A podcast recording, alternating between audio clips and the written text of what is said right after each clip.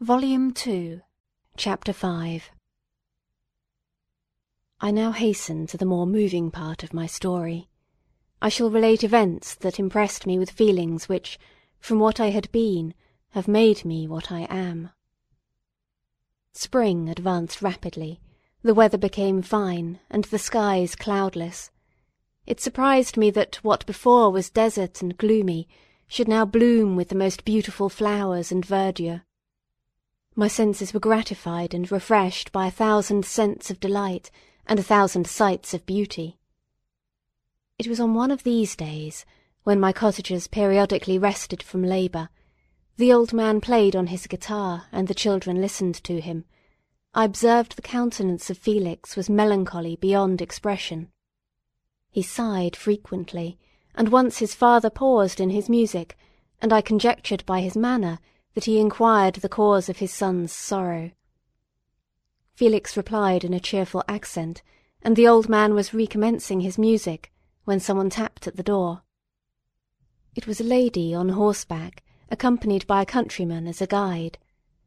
The lady was dressed in a dark suit and covered with a thick black veil. Agatha asked a question, to which the stranger only replied by pronouncing, in a sweet accent, the name of Felix. Her voice was musical, but unlike that of either of my friends. On hearing this word, Felix came up hastily to the lady, who, when she saw him, threw up her veil, and I beheld a countenance of angelic beauty and expression. Her hair of a shining raven black and curiously braided, her eyes were dark but gentle, although animated, her features of a regular proportion, and her complexion wondrously fair, each cheek tinged with a lovely pink. Felix seemed ravished with delight when he saw her, every trait of sorrow vanished from his face, and it instantly expressed a degree of ecstatic joy of which I could hardly have believed it capable. His eyes sparkled as his cheek flushed with pleasure, and at that moment I thought him as beautiful as the stranger. She appeared affected by different feelings. Wiping a few tears from her lovely eyes, she held out her hand to Felix, who kissed it rapturously, and called her, as well as I could distinguish, his sweet Arabian. She did not appear to understand him, but smiled. He assisted her to dismount, and dismissing her guide, conducted her into the cottage. Some conversation took place between him and his father, and the young stranger knelt at the old man's feet and would have kissed his hand, but he raised her and embraced her affectionately. I soon perceived that, although the stranger uttered articulate sounds, and appeared to have a language of her own, she was neither understood by, nor herself understood, the cottagers. They made many signs which I did not comprehend, but I saw that her presence diffused gladness through the cottage, dispelling their sorrow as the sun dissipates the morning mists. Felix seemed particularly happy, and with smiles of delight welcomed his Arabian. Agatha, the ever gentle Agatha, kissed the hands of the lovely stranger, and, pointing to her brother, made signs which appeared to me to mean that he had been sorrowful until she came. Some hours passed thus, while they, by their countenances, expressed joy, the cause of which I did not comprehend. Presently I found, by the frequent recurrence of some sound which the stranger repeated after them, that she was endeavouring to learn their language, and the idea instantly occurred to me that I should make use of the same instructions to the same end. The stranger learned about twenty words at the first lesson. Most of them, indeed, were those which I had before understood, but I profited by the others.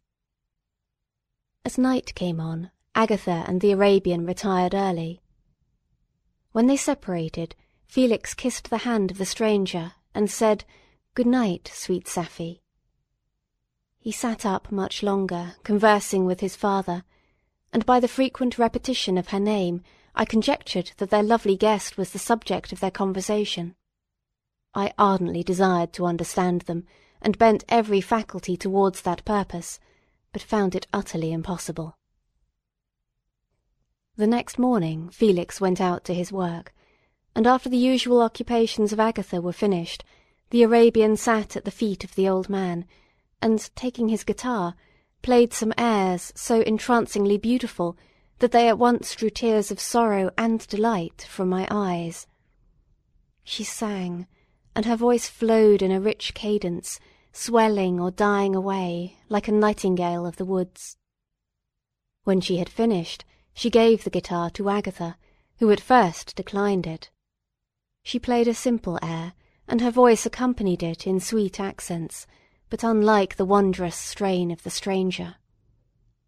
The old man appeared enraptured, and said some words, which Agatha endeavoured to explain to Safie, and by which he appeared to wish to express that she bestowed on him the greatest delight by her music. The days now passed as peacefully as before, with the sole alteration that joy had taken the place of sadness in the countenances of my friends. Safie was always gay and happy. She and I improved rapidly in the knowledge of language, so that in two months I began to comprehend most of the words uttered by my protectors. In the meanwhile, also, the black ground was covered with herbage, and the green banks interspersed with innumerable flowers, sweet to the scent and the eyes, stars of pale radiance among the moonlight woods, the sun became warmer, the nights clear and balmy, and my nocturnal rambles were an extreme pleasure to me, although they were considerably shortened by the late setting and early rising of the sun, for I never ventured abroad during daylight, fearful of meeting with the same treatment I had formerly endured in the first village which I entered. My days were spent in close attention, that I might more speedily master the language, and I may boast that I improved more rapidly than the Arabian, who understood very little, and conversed in broken accents, whilst I comprehended and could imitate almost every word that was spoken. While I improved in speech, I also learned the science of letters as it was taught to the stranger, and this opened before me a wide field for wonder and delight. The book from which Felix instructed Safie was Volney's Ruins of Empires. I should not have understood the purport of this book had not Felix, in reading it, given very minute explanations. He had chosen this work, he said, because the declamatory style was framed in imitation of the Eastern authors. Through this work I obtained a cursory knowledge of history, and a view of the several empires at present existing in the world. It gave me an insight into the manners, governments, and religions of the different nations of the earth. I heard of the slothful Asiatics, of the stupendous genius and mental activity of the Grecians, of the wars and wonderful virtue of the early Romans, of their subsequent degeneration, of the decline of that mighty empire, of chivalry, Christianity, and kings. I heard of the discovery of the American hemisphere, and wept, with Safie, over the hapless fate of its original inhabitants. These wonderful narrations inspired me with strange feelings. Was man, indeed, at once so powerful, so virtuous and magnificent, yet so vicious and base. He appeared at one time a mere scion of the evil principle, and at another as all that can be conceived of noble and godlike. To be a great and virtuous man appeared the highest honour that can befall a sensitive being. To be base and vicious, as many on record have been, appeared the lowest degradation, a condition more abject than that of the blind mole or harmless worm. For a long time I could not conceive how one man could go forth to murder his fellow, or even why there were laws and governments. But when I heard details of vice and bloodshed, my wonder ceased, and I turned away with disgust and loathing. Every conversation of the cottagers now opened new wonders to me. While I listened to the instructions which Felix bestowed upon the Arabian, the strange system of human society was explained to me. I heard of the division of property, of immense wealth and squalid poverty, of rank, descent, and noble blood. The words induced me to turn towards myself. I learned that the possessions most esteemed by your fellow creatures were high and unsullied descent, united with riches. A man might be respected with only one of these acquisitions, but without either he was considered, except in very rare instances, as a vagabond and a slave, doomed to waste his powers for the profit of the chosen few. And what was I? Of my creation and creator I was absolutely ignorant, but I knew that I possessed no money, no friends, no kind of property. I was, besides, endowed with a figure hideously deformed and loathsome. I was not even of the same nature as men.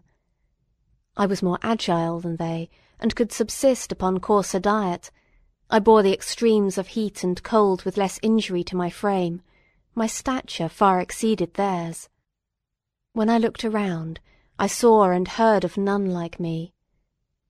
Was I then a monster, a blot upon the earth, from which all men fled, and whom all men disowned?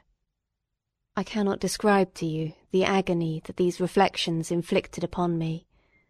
I tried to dispel them, but sorrow only increased with knowledge. Oh, that I had for ever remained in my native wood, nor known nor felt beyond the sensations of hunger, thirst, and heat. Of what a strange nature is knowledge! It clings to the mind when it has once seized on it, like a lichen on the rock. I wished sometimes to shake off all thought and feeling, but I learned that there was but one means to overcome the sensation of pain, and that was death, a state which I feared, yet did not understand. I admired virtue and good feelings, and loved the gentle manners and amiable qualities of my cottagers, but I was shut out from intercourse with them, except through means which I obtained by stealth, when I was unseen and unknown, and which rather increased than satisfied the desire I had of becoming one among my fellows.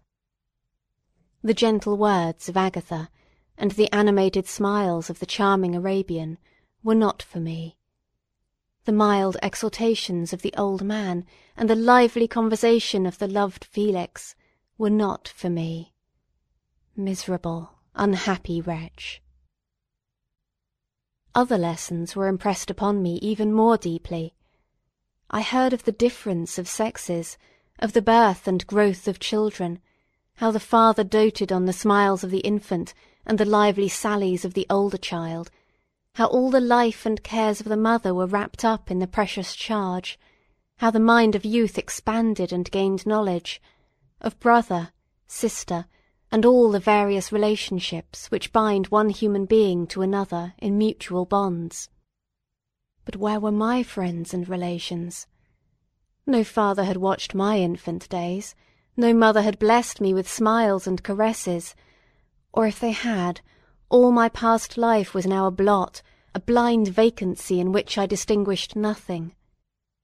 From my earliest remembrance I had been as I then was, in height and proportion. I had never yet seen a being resembling me, or who claimed any intercourse with me. What was I? The question again recurred, to be answered only with groans. I will soon explain to what these feelings tended, but allow me now to return to the cottagers, whose story excited in me such various feelings of indignation, delight, and wonder, but which all terminated in additional love and reverence for my protectors, for so I loved, in an innocent, half painful self-deceit, to call them.